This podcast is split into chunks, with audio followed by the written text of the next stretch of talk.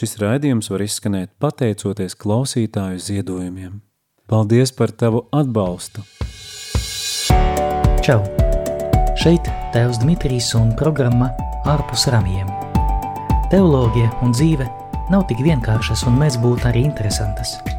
Pamēģināsim paskatīties plašāk uz to, kā mēs ticam un kā dzīvojam. Katru otro mēneša pirmdienu, pulksten 16. Radio Marija Latvijā.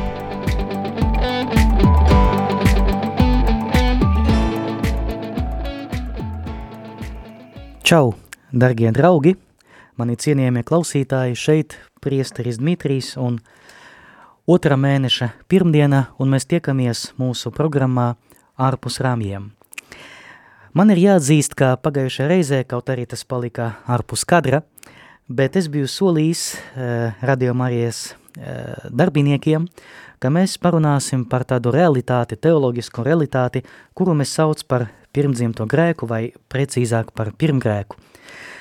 Bet tomēr pēdējā laika notikumi un um, dažas manas pārdomas lika man mainīt šīs domas un es noteikti savu solījumu izpildīšu, bet tas būs mazliet vēlāk. Bet šodien es aicinu jūs um, uz to, lai mēs iepazītos ar tādu mana skatījumā ļoti svarīgu tēmu, kas izraisa mūsu vismaz Latvijas katoļu sabiedrībā diezgan dažādas emocijas. Proti runa ir par to, Kā var reformēt baznīcu, vai tas reformas vispār ir iespējams, un ko mēs varam un ko mēs nevaram reformēt. Un, protams, eh, ņemot vērā to, ka ir eh, iesākusi seno, sinode, kurā ņem dalību daudzi pasaules bīskapi, un eh, ļoti daudz arī no šīs sinodes baidās vai sagaida kaut kādas izmaiņas, pozitīvas vai negatīvas, Uh, ir pilns internets ar dažādiem komentāriem, ir arī pilns internets ar kardinālu, piecu kardinālu vēstuli, vēstulēm pāvestam ar jautājumiem, ar šaubām un tā tālāk. Un tāpēc es gribētu šodien arī pievērst uzmanību, protams, ne pašai sinodei, bet lietai, kuru mēs varētu nosaukt, atvainojiet par tādu filozofisko jēdzienu, bet es aicinu jūs uziet kopā tādā meta līmenī. Tas nozīmē, ka mēs pamēģināsim parunāt par to, vai tiešām mēs varam kaut ko, kaut ko reformēt, vai tiešām eh, pāvests var reformēt visu, vai viņš ir ierobežots kaut kādā veidā, vai tiešām mēs varam um, pieļaut visu, ko, mums, ko mēs gribam, uh, pastorālas mīlestības dēļ un tā tālāk.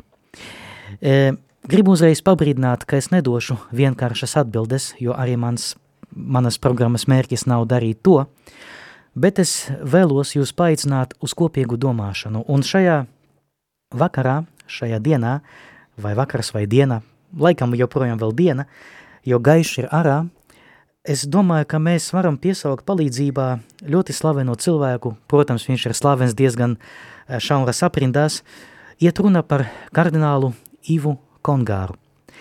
Uh, šīs uh, cilvēks manā skatījumā izcils teologs, un es varbūt varu pat sevi saukt par viņa mācekli, kaut arī viņš nomira agrāk nekā es sāku studēt teoloģiju. Eh, tas bija cilvēks, kurš eh, ietekmēja ļoti stipri mūsdienu baznīcas teoloģiju, un, protams, kāds varētu viņam pārmest to, ka viņš ir tas saucamais modernists, bet tomēr viņa daudzas idejas, ko viņš bija izteicis jau diezgan sen, um, pirms Vatikāna koncila, pirms otrā Vatikāna koncila, ietekmēja arī šo koncilu, kurā garā mēs dzīvojam arī šodien.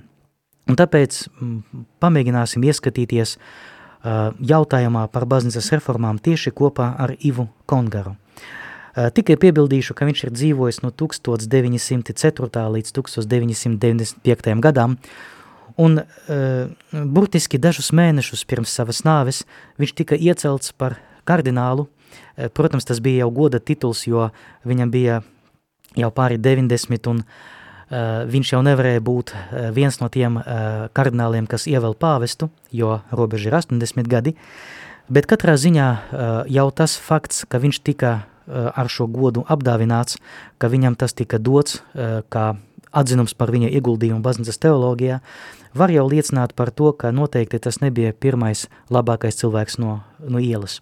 Un tāpēc pamēģināsim ieskatīties ar viņu kopā šajā jautājumā. Un pēc šī, gada, šī gara ievada, pēc šī epiloga, es beidzot gribu sākt. Un es sākšu ar Iva Kongara citātu no viņa grāmatas, kuras nosaukums tulkojumā ir Patiesa un viltus reforma baznīcā. Diemžēl šī grāmata vēl joprojām nav iztulkota uz latviešu valodu, kaut arī viņa ir aktuāla joprojām. Pirmo reizi šī grāmata tika publicēta franču valodā 1960. gadā, pirms Vatikāna koncila. Savukārt viņas angļu tulkojums mm, tika veikts jau pēc Vatikāna koncila 1968. gadā, un tad viņa kļuva diezgan plaši Eh, daudzi cilvēki varēja iepazīties ar viņa idejām, eh, un eh, viņa kļūti, kļuva plaši pazīstama visā pasaulē. Un Īvs Kongars raksta tā. Tas, protams, ir mans tulkojums, jo uz latviešu valodu, kā es teicu, šī grāmata nebija iztulkota. Ieklausīsimies viņa vārdos. Baznīca vienlaicīgi ir jāpieņem un nav jāpieņem tāda, kāda tā ir. Ja mēs to tikai neakceptēsim, tad veidosim kaut, ko, kā, tad veidosim kaut kādu citu baznīcu, vai arī nebūsim spējīgi izdarīt neko. Un reformēt nevarēsim arī neko. Bet ja mēs baznīcu tikai akceptēsim, nekas nemainīsies, un arī nenotiks reformas. Man šķiet, ka šeit mēs varam saskatīt vienu interesantu paradoksu viņa izteicienā, jo šis izteiciens, manuprāt, ir ļoti dziļš. No vienas puses mēs ļoti gribētu tādu baznīcu, kur ir skaidras atbildes, kur ir skaidri pateikts, uh, līdz šai robežai tu vari kustēties un tālāk nē. Mums ļoti gribētu tādu, gribētos tādu baznīcu, kad um, priesteri no ambonās, no ambonām runā, nu, pateiksim tā, vienādus sprediķus. Ļoti negribētos tādu baznīcu, kur ir šaubas, kur um, ir grūti uh, atbildēt uz kaut kādu jautājumu. Bet pastorāla pieredze, vismaz mana pastorāla pieredze, es piemaisīšu to pie kardināla Kongāra vārdiem, liecina par to, ka ļoti bieži gadās jautājumi, uz kuriem nav vienkārši atbildēt viennozīmīgi. Dari tā un tā nedari. Brīžiem pašam cilvēkam jāatstāj uh, iespēju izlemt, kā darīt un arī nest arī savas, sava lēmuma sekas. Un tāpēc arī kardināls raksta tā – Kā baznīca, mēs, protams, viņu to pieņēmam, bet vienlaicīgi mēs apzināmies, ka baznīcā ir ļoti daudzas lietas, kuras var mums nepatikt, un īstenībā tā ir norma. E, neuztveriet to pa kaut kādu pašreklāmu, bet e, pavisam nesen arī savā Facebooka profilā, ja kas gribēs, varat arī to atrast, es mazliet nokomentēju e, šo jautājumu par to, vai uh, tiem uh, pieciem kardināliem emerītiem bija um, tiesības vai pienākums uzdot pāvestam, uh, uzrakstīt pāvestam vēstuli ar savām šaubām. Un kā pāvests uz, tie, uz tiem atbildēja. Manā skatījumā tas ir ļoti labs, mm, ļoti laba pazīme tam, ka baznīca ir dzīva, ka ir cilvēki, kuri arī pieprasa atbildi uz saviem jautājumiem, kuriem arī rūp baznīcas labums.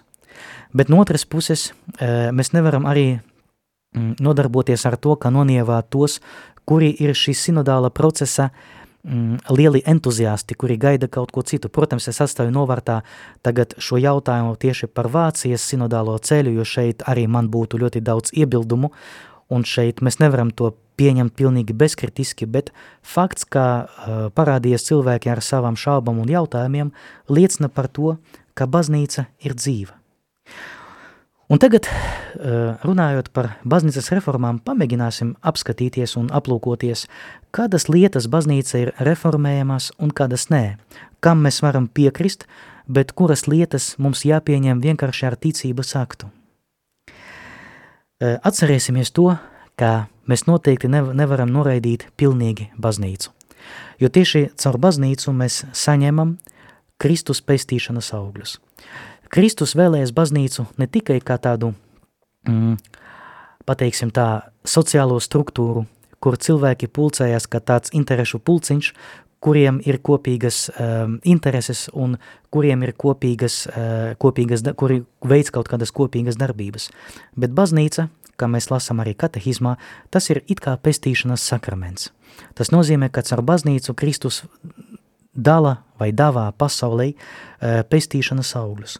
Un tāpēc pirmā lieta, kas būtu skaidri jānorāda, ja mēs vēlamies uh, reformēt baznīcu, ja mēs vēlamies kaut kādā veidā darīt šo baznīcu labāku, mēs nevaram būt pāri vai mēs nevaram būt ārpus šīs baznīcas. Mēs paliekam, vienmēr paliekam tajā pašā baznīcā.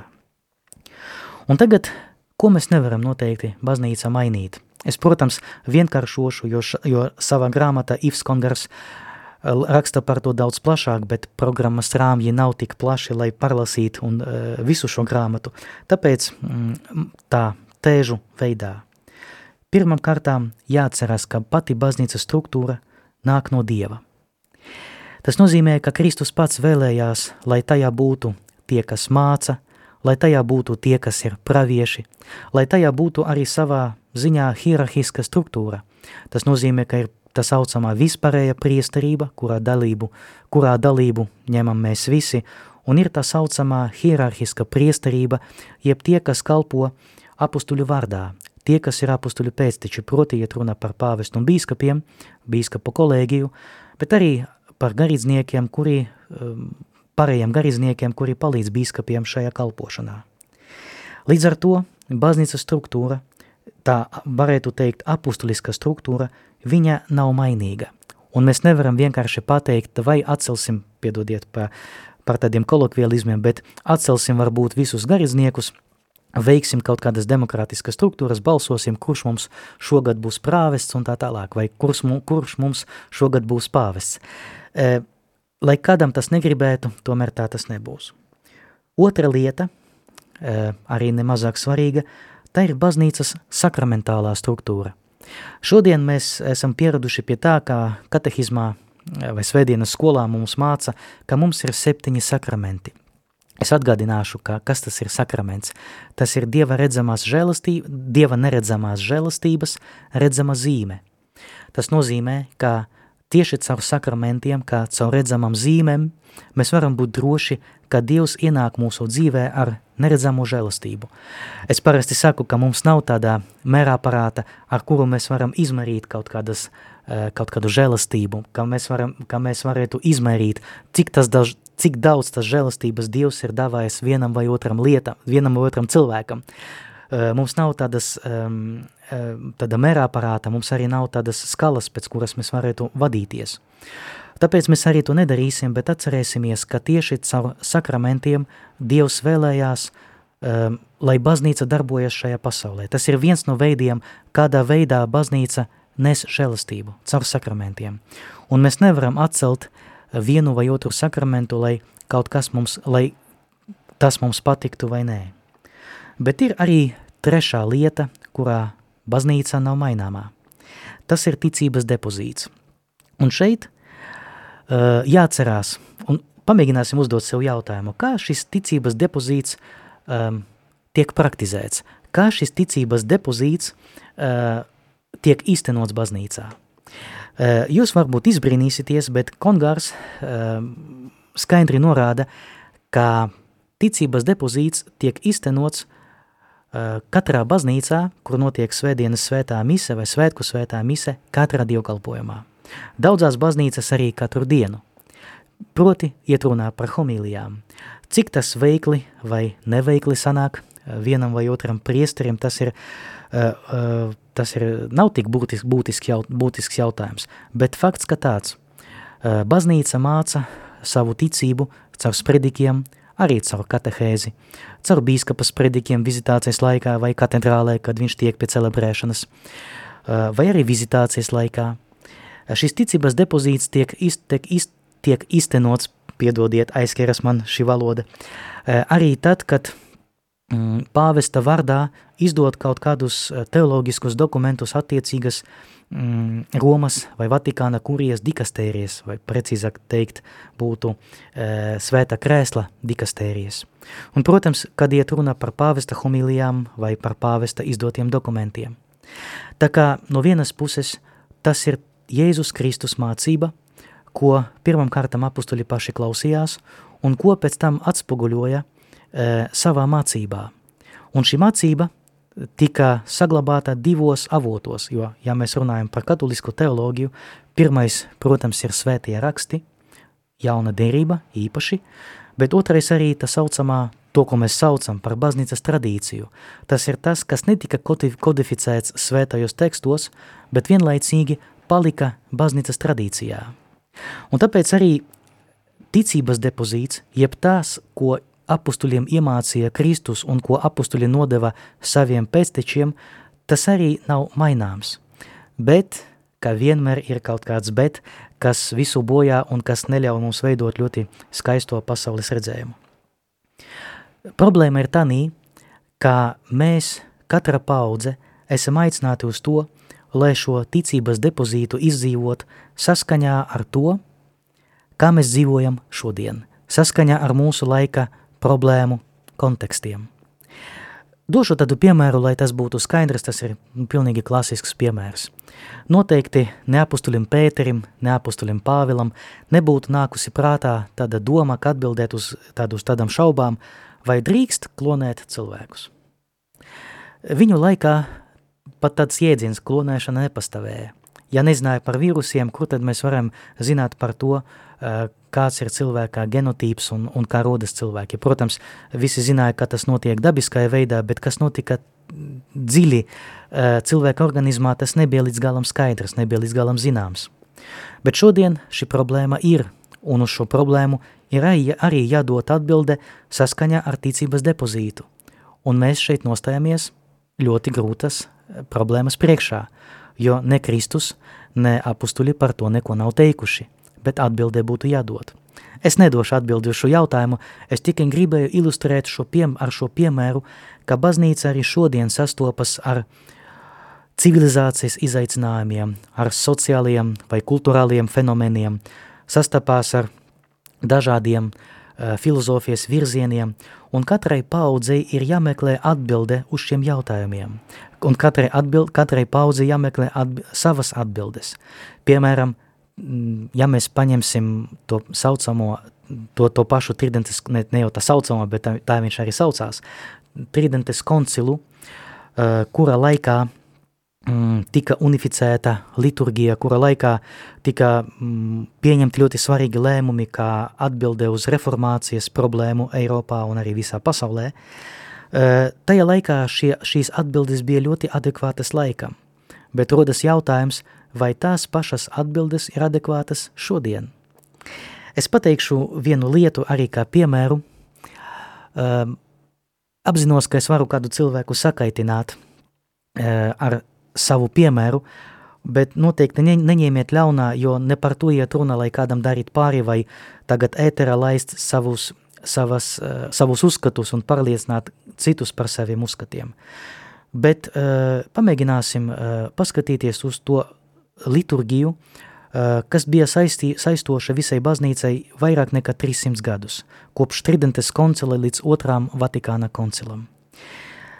Liturgiju uh, vienā brīdī vajadzēja unificēt, jo 16. gadsimtā bija tik daudz liturgiju, dažādu liturgiju un arī tik daudz mēs varētu pateikt parspilējumu, ka bija nepieciešams ieviest uh, kārtību šajā jomā, un šī kārtība tika ieviest, ieviesta.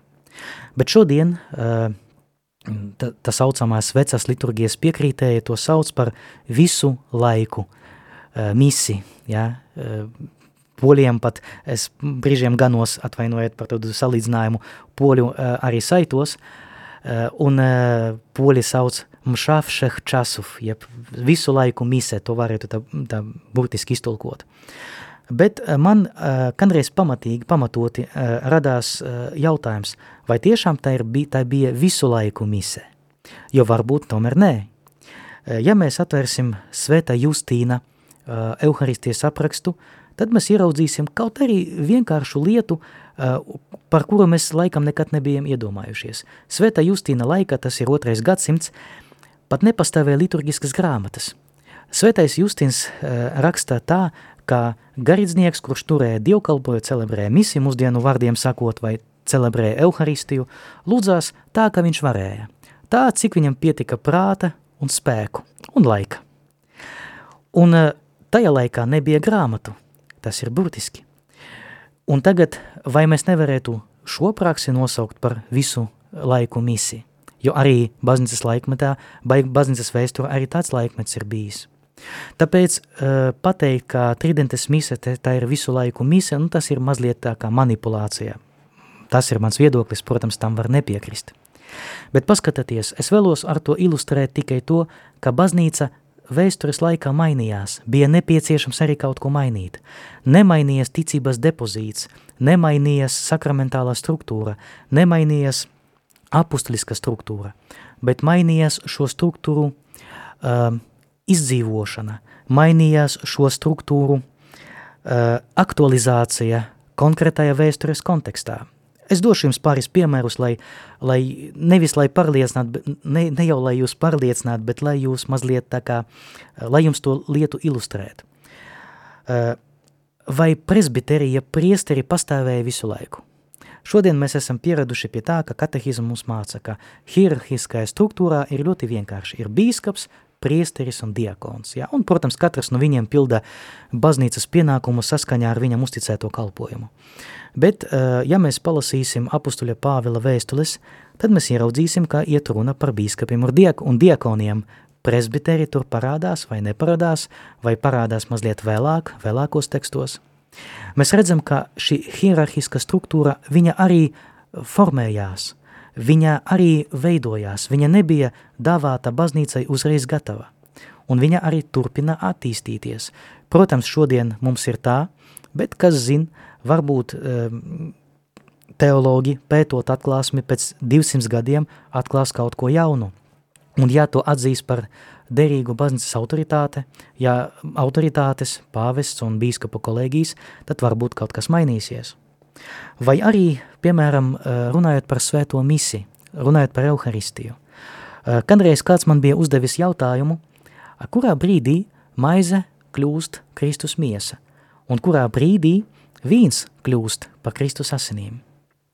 Tas ir ļoti interesants jautājums, jo, ja mēs paņemsim austrumu baznīcas tradīciju, tad mēs pateiksim, ka, vai viņi pateiks, ka šī pārveidošanās notiek epiklēzes laika, jeb tajā brīdī, ko mēs, eh, ja mēs salīdzināsim eh, austrumu liturgiju ar mūsu rietumu liturgiju, kad priesteris vēl pirms tā saucamās konsekrācijas iztiep rokas par upurdāvanam un saka, izliekungs savu dāvanu, par, savu garu par, šam dā, par šīm dāvanām, ja, atkarībā no tā, kādu euharistisku lūkšanu viņš izvēlēsies. Un pēc tam notiek jau narācija par svētās mises nudibināšanu. Jēzus ņēma maizi, pateicās lauzu un deva saviem mācekļiem sacīdams. Savukārt, ja mēs paskatīsimies uz rietumu tradīciju, tad tieši šos nudibināšanas vārdus mūsu rietumu tradīcija sauc par Euharistijas uh, būtiskāko daļu, kad maize un vīns kļūst par Jēzus miesu un asinīm. Savukārt šodienas liturgijā mēs jau nesaucam šos vārdus par konsekrācijas vārdiem. Mēs saucam to par Euharistijas, dibin, par Euharistijas dibināšanas narāciju. Mēs nezinām, uh, kurā brīdī tas notiek, un tāpēc mēs varam vienkārši pateikt, ka visa euharistiskā lūkšana ir uh, konsekrējoša. Tieši euharistijas lūkšanas laikā notiek konsekrācija. Tā kā redziet, tas ir mazas nianses, bet kuras parāda, ka baznīca katru, katrā paudzē izdzīvo mazliet savādāk šo struktūru, ko Kristus tā ir devis. Ja mēs runāsim par ticības depozītu, arī šeit mēs varam atrast um, um, kaut, kādus, uh, kaut kādas, neteikšu, ka izmaiņas, bet uh, teoloģisko uh, patiesību aktualizāciju. Pagājušajā reizē mēs ar jums bijām runājuši par uh, pestīšanu, vai bērni tiks atpestīti, tie, kuri nebija nokristīti. Un mēs redzam, ka arī šī mācība gadsimtu gaitā ļoti, ļoti mainījās. Ja. Es atceros, kad es biju seminarists un Jānis Pāvils II jau svētais ieviesa uh, ceturto rūža kroņa daļu, gaismas daļu. Un kad es par to biju dabūjis dzirdēt, tikai tāda baumu līmenī, ka klēriki saka, tu zini, ka pāvests ieviesa ceturto daļu. Es saku, nu nē, nu ružakroni noteikti neviens jau nemainīs, jā, bet pēc brokastiem es eju uh, datoru zālē, jo mums datori bija kopīga zālē, lai klēriki uh, nemeklē, nemeklē internetā visādas nevajadzīgas lietas, lasu ziņas no Vatikāna, jā, pāvests ir izdevis kārtējo dokumentu, uh, saskaņā ar kuru viņš ir ieviesis ceturto ružakuroņa daļu, Rozārium Virginis Marija. Un redziet, šīs lietas, ir, šīs lietas mainās. Paliek nemainīga struktūra, bet paliek mainīgas lietas, kuras uh, aktualizē šo struktūru. Un tāpēc arī šodien, kad uh, notiek uh, sinode, kad uh, ir šis sinodālais ceļš, Mm, attiecību uz kuru jautājumu ir vairāk nekā atbilžu, un šeit jāsaka, ka nu, Latvijā nu, mēs jau veicam šo, šīs aptaujas, cik vien varējam, noteikti ne katrā draudzē prāves bija sapulcinājis draudzi un uzdevis šos jautājumus, un, mēģin, un draudze meklēja atbildes uz šim, es pateikšu, grūtiem jautājumiem, jo, piemēram, es pats personīgi biju uh, sagatavojis divām kopienām, neteikšu kurām, biju sagatavojis personīgi divām kopienām atbildes uz šiem jautājumiem, bet man pašam vajadzēja sākumā iedziļināties šajos jautājumos, pēc tam pameklēt šos jautājumus citā valodā vai itāļu valodā, lai pareizāk saprast, jo šie tulkojumi arī bija dažādi, veiklāki vai mazāk veiklāki. Un arī biju devis atbildi uz jautājumiem, uh, iedevu tiem, kas man palūdza atbildēt, viņi pēc pateica, der, der, ja? bet es to biju atbildējis pats saskaņā ar to, ka es lūdzos, ka es izpratu, ka es saprotu šo sinodālo ceļu un dalību uh, baznīcā dažādu cilvēku grupās. Tā kā redziet, uh, baznīca ir dzīva, un baznīca daudzas lietas ir mainīgas, un tas, kas notiek sinode, tas, kas notiek mm, tādas, tādi strīdi vai e, savstarpējas nesaskaņas un kopīgi meklējumi, tas Tas īstenībā ir ļoti labs process ar vienu noteikumu, lai mēs visi meklētu baznīcas labumu, lai neviens no mums nebūtu tāds, kurš sevi uzskata pāri vai ārpus baznīcas. Jo pretējā gadījumā saskaņā ar Ivko, Ivā Kongāra teikto, mēs tad neveidosim baznīcu, mēs tad veidosim kaut ko paralēlo, pat to nevar nosaukt par baznīcu, mēs veidosim paralēlo struktūru, kura būs baznīcveidīgais produkts, bet ne, produkts, bet ne vairāk. Un tāpēc, eh, ja mēs gribam strīdēties par sinodi, mums būtu jāstrīdās. Ja mēs gribam dusmoties, eh, ok, lai tikai eh, saule nenoriet par mūsu dusmām. Ja mēs gribam, vai mēs pat šaubamies un mēs gribam uzdot jautājumus par savām šaubām, attiecībā par tām lietām, attiecību uz kurām mēs šaubamies, tad ok, lai tas notiek, jo tas liecina par to, ka baznīca ir dzīva. Un tāpēc, vai mēs Varam reformēt baznīcu? Noteikti jā. Vai tas mums būtu jādara?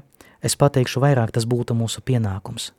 Ir lietas nemainīgas, tas ir tā ir baznīcas struktūra, ticības depozīts, sakramentāla struktūra, apustliska struktūra, bet šo struktūru izdzīvošana, iztenošana, aktualizācija eh, mūsu konkrētajos vēstures eh, rāmjos, tā ir lieta un tas ir pienākums, kas mums jāveic arī šodien.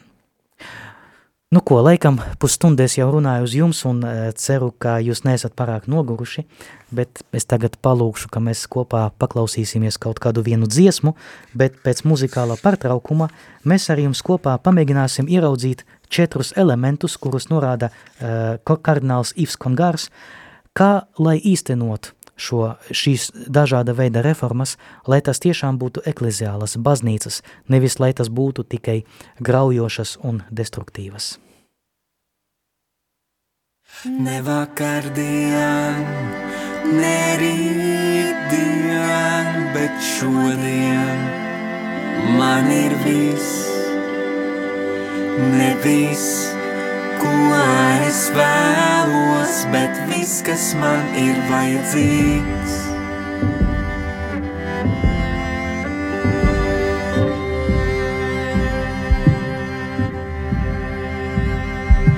Dziļumā zemi nevar aizsniegt, ļaut ūdenim sevi nest un skatīties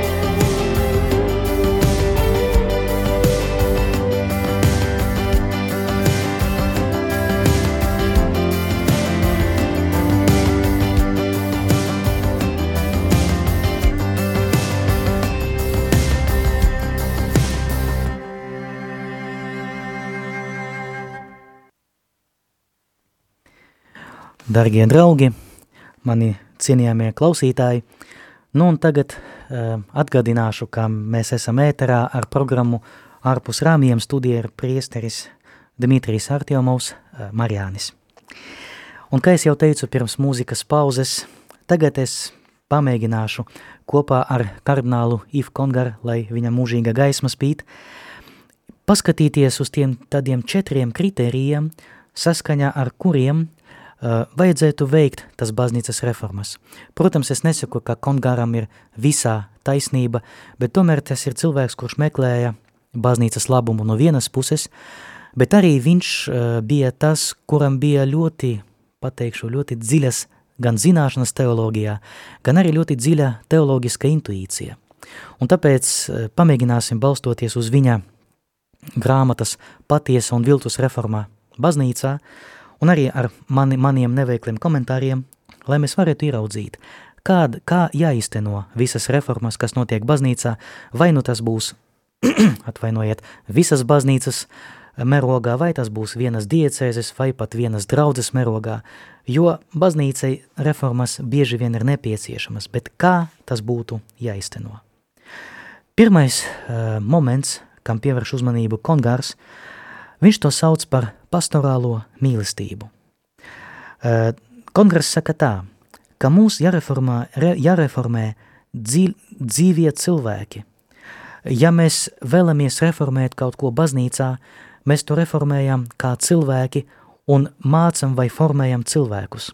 No vienas puses ļoti vienkārši var pieņemt lēmumus, sežot pie ērta galda siltajā kabinetā, pieņemt lēmumus, kuri būs pilnīgi atrauti no dzīves – ieviest kaut kādus jaunus atrisinājumus, eh, nerēķinoties ar to, vai šie atrisinājumi būs spējīgi, vai cilvēki būs spējīgi šos atrisinājumus īstenot dzīvē vai nē.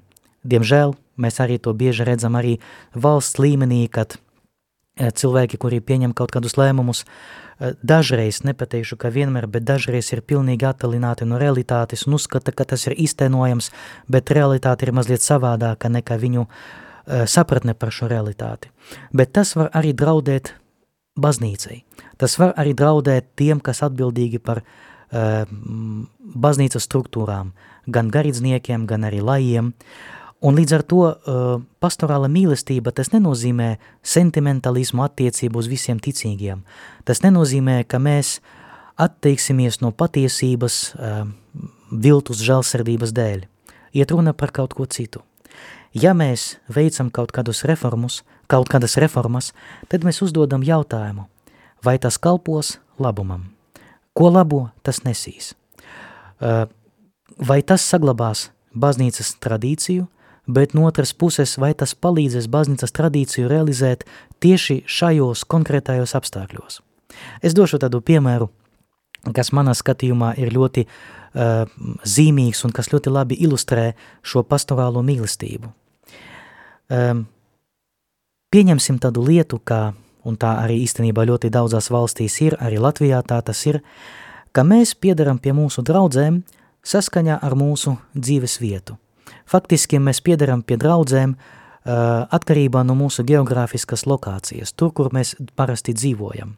Mana draudze ir tā, formāli, uh, kura ir vistuvāk manai uh, dzīves vietai, vai kuras teritorija, teritorija ietilpst uh, mana dzīves vieta. Bet uh, paskatīsimies arī no otras puses. Uh, katram no mums ir, vai tagad pasaulē ir ļoti izplatīts tas saucamais uh, religiozais turisms, kā es to saku, ņemot, protams, šos vārdus pēdiņās. Cilvēki izvēlās braukt uz to baznīcu, kurā viņiem ir tuvāk pie sirds. Jo varbūt šajā baznīcā priesteris runā gudrākus sprediķus, varbūt kāds brauc kaut kādu estetisko uh, iemeslu dēļ, jo priesteris ir skaists, nu, bet kam ir jauni visi skaisti, pienāk vecums un skaists nav, nav vairs neviens, uh, vai tāpēc, ka ērgeles skaisti spēlē, vai tāpēc, ka vienkārši ērtāks uh, svētās mises laiks. Un neviens nesaka, ka tev jāiet obligāti uz savu draudzi. Šī pastorāla mīlestība izpauž, izpaužas tanī, ka mēs nepiespiežam cilvēkus obligāti nākt uz savu draudzi. Protams, labi būtu atbalstīt savu draudzi, bet tomēr šī, šī ir medaļas otrā pusē. Cilvēki ir ļoti mobīli. Mēs esam spējīgi iesaisties mašīnā un, piemēram, Daugavpilī mums ir 1, 2, 3, 4 draudzes, uh, kopā 3 draudzes – četras draudzes vienā uh, Daugavas krastā un vēl viena draudze otrajā Daugavas krastā. Un ja kāds vēlās, var aizbraukt arī ārpus pilsētas uz rajonu, arī tur notiek dievkalpojumi. Cilvēks var iesaisties mašīnā un pa 15-20 minūtēm būt tur, kur viņš vēlās. Un vai man būtu jāizdzen šie cilvēki no baznīcas, kuri nepieder pie, pie tas draudzes, kurai es kalpoju? Vai jāpiespiež cilvēki obligāti būt svētē misē tajā draudzē, ja viņam nu, kaut kas nepatīk, ja? vai viņam kaut kas traucē tur lūgties. Tā ir tā pastorāla mīlestība, jo no vienas puses mēs saglabājam piesai saikni ar draudzi, bet no otras puses mēs esam spējīgi uh, dziļāk pārdzīvot savu ticību, meklējot vietu, uh, kur, man tas, kur man tas ir vieglāk. Vai arī vēl viens um, piemērs, arī manā skatījumā ļoti labs, un uh, ne jau tāpēc, ka es glaimoju sev, bet tāpēc, ka es kādreiz to atklāju kā labu piemēru. Kādreiz runāt sprediki, garu sprediki. Tā bija norma. Uh, priesteris varēja mierīgi runāt 40 minūtes, un neapšaubāmi daudzi priesteri joprojām to var.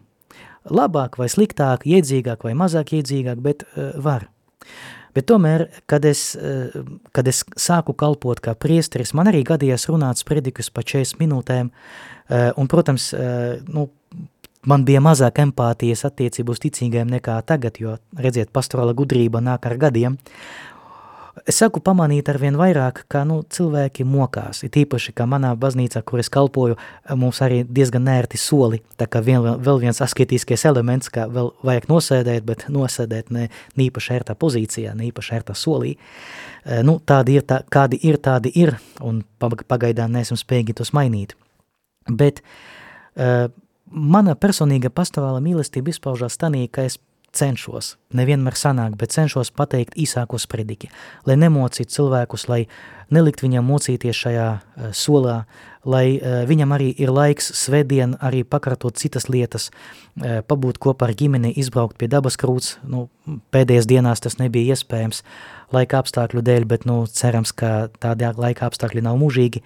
Tā kā redziet, uh, tā pastorāla mīlestība, tā ir ļoti svarīga, ļoti, ļoti svarīga lieta, uh, vai ļoti svarīgs aspekts, kas būtu jāņem arī reformās. Vai tas kalpos cilvēkam? Vai mēs vēlamies iztenot teoriju, vai mēs vēlamies šo teoriju tiešām pārdīt dzīvē un iztenot to praksē? Iesim mazliet tālāk. Katrai reformai, otrais moments, kuru akcentē Kongars, katrai reformai jābūt kopā ar visu baznīcu. Ko tas nozīmē? Iet runa par to, ka nevar būt reforma izrauta no baznīcas konteksta. Tas nozīmē, mēs tikko par jums bijām runājuši dažas minūtes atpakaļ par to, ka baznīcas struktūra ir, nav, ir nemaināma, ka baznīcas struktūra mums ir dāvāta no Kristus. Apustliska struktūra, sakramentālā, ticības depozīts. Un līdz ar to šīs lietas, protams, nav mainamās, un ja mēs īsteno, īstenojam reformas, mēs nevaram šīs reformas no šīs tradīcijas atraut un ieviest kaut ko pilnīgi, neteikšu, ka jauno, bet pilnīgi svešo baznīcai. Piemēram, mēs nevaram svētīt grēku. Ja, mēs nevaram paņemt un pateikt, redziet, zakt ir slikti, bet nu kaut kādos konkrētos apstākļos, kad neviens tevi neredz, kad varbūt tev nav izējas, vai tev šķiet, ka tev nav izējas, nu tad tu vari nu, nozagt, jo tas nav daudz. Jā. Es kādreiz sastapos ar ļoti skaistu argumentu. Nu, jā, es nozagu, bet tas nepiederēja nekam, tas bija valstī. Jā, tas piederēja valstī. Ļoti skaists arguments un šķiet, ka varētu pat pielietot konfesionālā pateikt. Nu, ja tas ir valstī, tad tev, tas nav grēks, tu vari lepoties, ja, ka, esi, ka esi kaut ko izdarījis tādu eh, slikto valstī. Protams, nemācīšu, nemācēšu jūs kaut ko ļaunu, bet mēs nevaram baznīca ieviest kaut ko ļaunu. Mēs nevaram ieviest baznīcai, baznīca to, kas tai ir pilnīgi svešs. Eh, un tāpēc, ja notiek reforma, viņa notiek baznīcas kontekstā, baznīcas tradīcijas kontekstā. Viņa notiek saskaņā ar to, ko vēlās visa baznīca, nevis tikai kaut kādas atsevišķas baznīcu grupas. Ja? Atgriezīsimies pie uh, mums ļoti labi uh, zināmā Vācijas sinodāla uh, ceļa, tā saucamā sinodāla ceļa.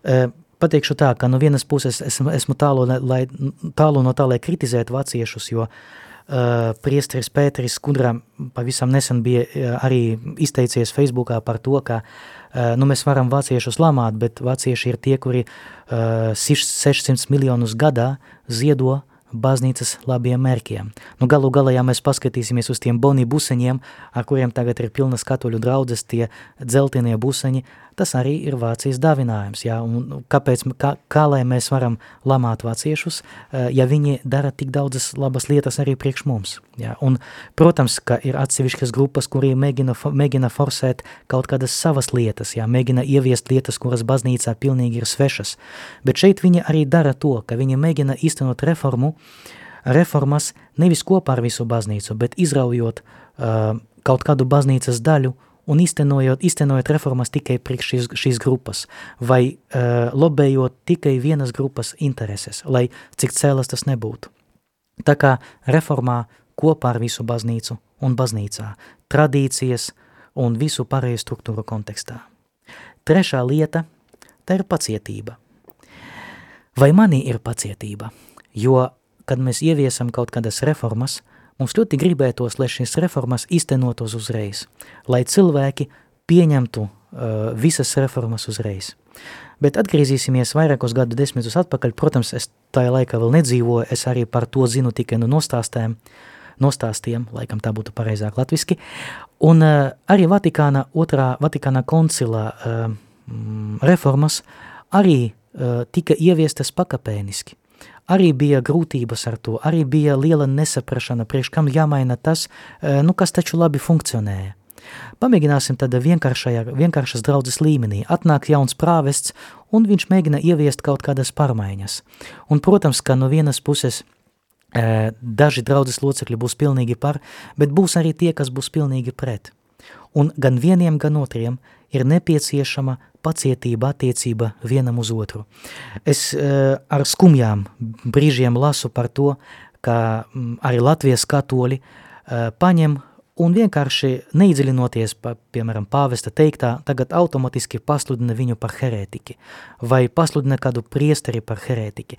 Un tas notiek gan, gan arī no konservatīvu aprindu puses, gan arī, gan arī no tiem, kuri, kurus varat nosaukt par progresīviem, jā, bet uh, tiem, kuri gribētos ieviest kaut ko jaunu. Bet šeit ir tā problēma, vai mums ir tā pacietība? Vai mums ir pacietība vienam pret otru? Ja šīs pacietības nebūs, būs problēmas. Kongress skaidri parāda, ka mums ir, ka, ka baznīca ir savs ritms. Ir tāds teiciens, ka baznīcas dzirnavas maļ ļoti lēni, un tā ir taisnība. Baznīca ir ļoti mm, inerta struktūra. Mēs nevaram mainīt visu uzreiz. Ja? Mēs veicam kaut kādas izmaiņas pakāpeniski, jo tāds ir cilvēks. Nepavelti es arī brīžiem pajokoju, ka mūsu gudrība, ka ir nepieciešami 40 gadi, ja? jo vienai paudzi vienkārši jāiziet, jo ir lietas, kuras mēs neesam spējīgi ieviest. Un es brīžiem domāju par sevi, ja pēkšņi arī šis, šī sinode ievie, ieviesīs kaut ko jaunu, vai es būšu spējīgs to pieņemt, vai es nebūšu arī viens no cilvēkiem, kas kurnēs pret baznīcu, varbūt arī tā. Un beidzot, uh, uh, ceturtais punkts, tas būs visīsākais, jo es gribu atstāt arī laiku atbildēt uz vienu jautājumu, kas tika iesūtīts Radio Marija un mani palūdza pakomentēt, bet tas tāpēc, lai jūs neatslēgtos ātrāk, uh, Bet ceturtais punkts. Jāsaprot baznīcas tradīcijas būtība. Mēs dzīvojam saskaņā ar baznīcas tradīciju ne jau tāpēc, ka mums tā ir ērtāk vai tā ir, piera, tā ir pierasts. Ja? Es ļoti bieži sastapos ar tādu argumentu, tā vienmēr ir bijis un tāpēc mēs to nemainīsim. Ja? Tā vienmēr ir bijis mūsu draudzē un mēs to nemainīsim. Tā vienmēr ir bijis mūsu Latvijas diecēzēs un mēs to nemainīsim. Tā vienmēr ir bijis mūsu baznīcā, un mēs to nemainīsim. Piemēram, nu, ok, vienkāršais, visvienkāršākais moments – pāvesta kurpes. Ja? Vienmēr pāvestam bija attiecīgs cilvēks, attiecīga firma, kas gatavoja gadsimtiem ilgi pāvestam attiecīgas kurpes, brūna vai sarkanā krāsā. Un pēkšņi Francisks, tagadējais pāvests, staigā ar melnām kurpēm, ja, ar tām pašām, kuras viņš bija atvedis no Argentīnas. Tagad jau noteikti jaunas, jo pa gadiem laikam iznesājas, nonesājas, bet tā vienmēr ir bijis, un mēs to nevaram mainīt. Tā nav uh, veselīga, adekvāta pieeja. Mēs dzīvojam saskaņā ar tradīciju tāpēc, ka viņa ir Kristus atstāta. Un mēs esam gatavi mainīt to, kas ir maināms. Un tāpēc dzīvot saskaņā ar tradīciju un saprast tradīt tradīcijas būtību, tas nenozīmē e iekonservēt teoloģiju. Tas nozīmē paturēt to, kas nav maināms, mainot to, ko mēs mainīt varam. Un jau noslēgumā, pirms es pariešu pie, skatos uz laiku, bet pamēģināšu, varbūt arī būs bez dziesmas, bet nekas. Es domāju, ka nav svarīgi, cik dziesmu izskanēs, svarīgāk mums ar kopā parunāt. Es gribētu pabeigt ehm, šo lietu, šo arī mūsu sarunu, šo tikšanos ar vienu eh, citātu no citā iecieni, cienījamā kardināla, kura māceklis arī es esmu un kurš bija uh, kurš kalpoja un rakstīja uh, vienā laikā ar kardinālu uh, Ivu Kongāru. Tas ir kardināls Henri de Lubac. Arī viņš, ir, viņš, ir, bija, viņš bija mazliet vecāks par kardinālu Kongaru, bet nomira 1991. gadā. Uh, Henri de Lubacs bija kardināls jau no 1983. gada, bet arī viņš saņēma šo kardināla titulu jau būdams pāri 80 gadiem, tā kā viņš arī pat nesaņēma, tāpat kā Ivs Kongars arī bīskapa uh, ordinācijas sakramentu. Anrī de Lubaks raksta tā, kā atrisināt krīzi baznīcā? Un atbildi ir ļoti vienkārša. Kamēr pastāv pasaule, nav ko gaidīt galīgus atrisinājumus. Tā kā, lai kādam tas patīk vai nē, vai mēs gribam vai nē, bet nu, tā jau būs, ka baznīca vienmēr būs strīdu iemesli. Un tagad jau bez pārtraukuma, lai atstātu tomēr mūzikas pauzei un e, mūsu darbiniekiem iespēju sagatavoties nākošajam raidījumam, es gribētu atbildēt uz vienu jautājumu, kas tika iesūtīts mm, radio, viena no Radio Marijas, no Marija, Radio Marija klausītājiem iesūtījušu jautājumu par to, e, šķiet, ka praktiskoši, bet vienlaicīgi ir teoloģisko. Kā jau, kā jau ir ar to Kristus miesus un asins pieņemšanu? Esam pieraduši, ka katoļu baznīcā mēs saņemam Kristus miesu vai saņemam Euharistiju tikai zem vienas, vienas zīmes, proti, iet runa par Kristus miesu. Mēs saņemam zem maizes zīmēm Euharistiju. Vai tas nav gadījumā tā, ka mēs mazliet reducējam Kristu un pieņēmam ne visu Kristu? Kāpēc mēs nevaram saņemt zem divām, divām zīmēm? Es pateikšu tā – Pirmām kārtām teoloģiski jāatcerās, pat ja es pieņēmu tikai vienu pilienu, Kristus asins, pat ja es pieņēmu Kristus miesas tikai vienu drupatiņu, es nepieņēmu tikai daļu no Kristus, es pieņēmu visu Kristu, veselu Kristu. Tas nav kā šai euharistijas daļiņai kaut kā pietrūkst, tas ir vesels Kristus, kuru es pieņēmu savā dzīvē.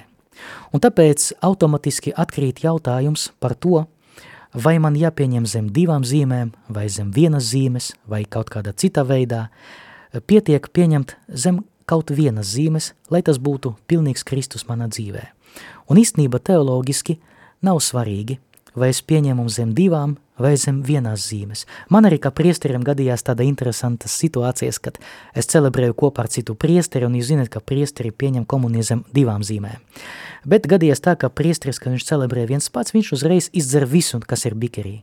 Un man gadījās tā, ka mm, cele, koncelebrējot kopā ar citu priesteri, viņš tā pēc ieraduma izdzēra visu, tikai tā pagriež aci uz manīm, un eh, nezinu, ko darīt, ja? vai laist atpakaļ, vai nē. Eh, es saku, nu dzer jau, dzer. Ja? Un es arī svētajā misē vienu reizi biju pieņēmis kā priesteris koncelebrā komuniju uh, zem vienas zīmes. Vai tā bija nederīga? Noteikti bija derīga. Tāpēc, ja mēs pieņemam Kristu, tad mēs pieņemam veselu Kristu. Bet kāpēc katoļu baznīcā ir tāds tāds sadalījums, kāpēc austrumu baznīcās zem divām zīmēm pie mums viena zīme. Es pateikšu kā tā, ka tas notika tādu praktisko apsvērumu dēļ. Pirmam kārtām kristieši, kas, pirmie kristieši, kas celebrēja liturgijas, viņi arī caur diakoniem vai caur attiecīgiem kalpotājiem sūtīja komuniju tiem, kuri nepiedalījies liturgijā, un parasti sūtīja zem vienas zīmes – Ja, tā kā cilvēks, kurš ne, neņēma dalību liturgijā, viņš, viņš, ņēma, viņš pie, bija pieņēmis šo komuniju zem vienas zīmes, un tas bija eh, derīgi. Ja? Neviens ne, neprotestēja. Bet arī tad, kad um, vēlāk baznīcā vienkārši uzglabāt bija vienkāršāk zem vienas zīmes nekā zem divām, un arī dalīt komuniju zem vienas zīmes ērtāk nekā zem divām, jo no, nepastāv uh, bīstamība, kā Kristus asins izliesies. Tā kā, tāpēc, redziet, jautājums ir ļoti vienkārši. Mēs pieņēmam visu Kristu. Un, dargi draugi, redzēsimies ar jums pēc mēneša, man bija patīkami, ceru, ka jums arī.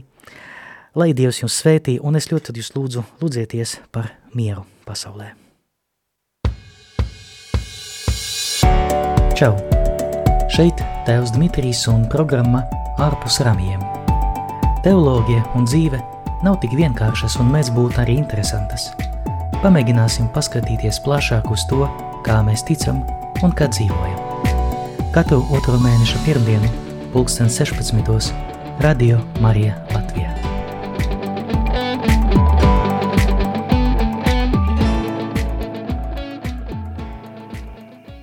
Šis raidījums varēja izskanēt pateicoties klausītāju ziedojumiem Radio Marija Latvija uzturēšanai.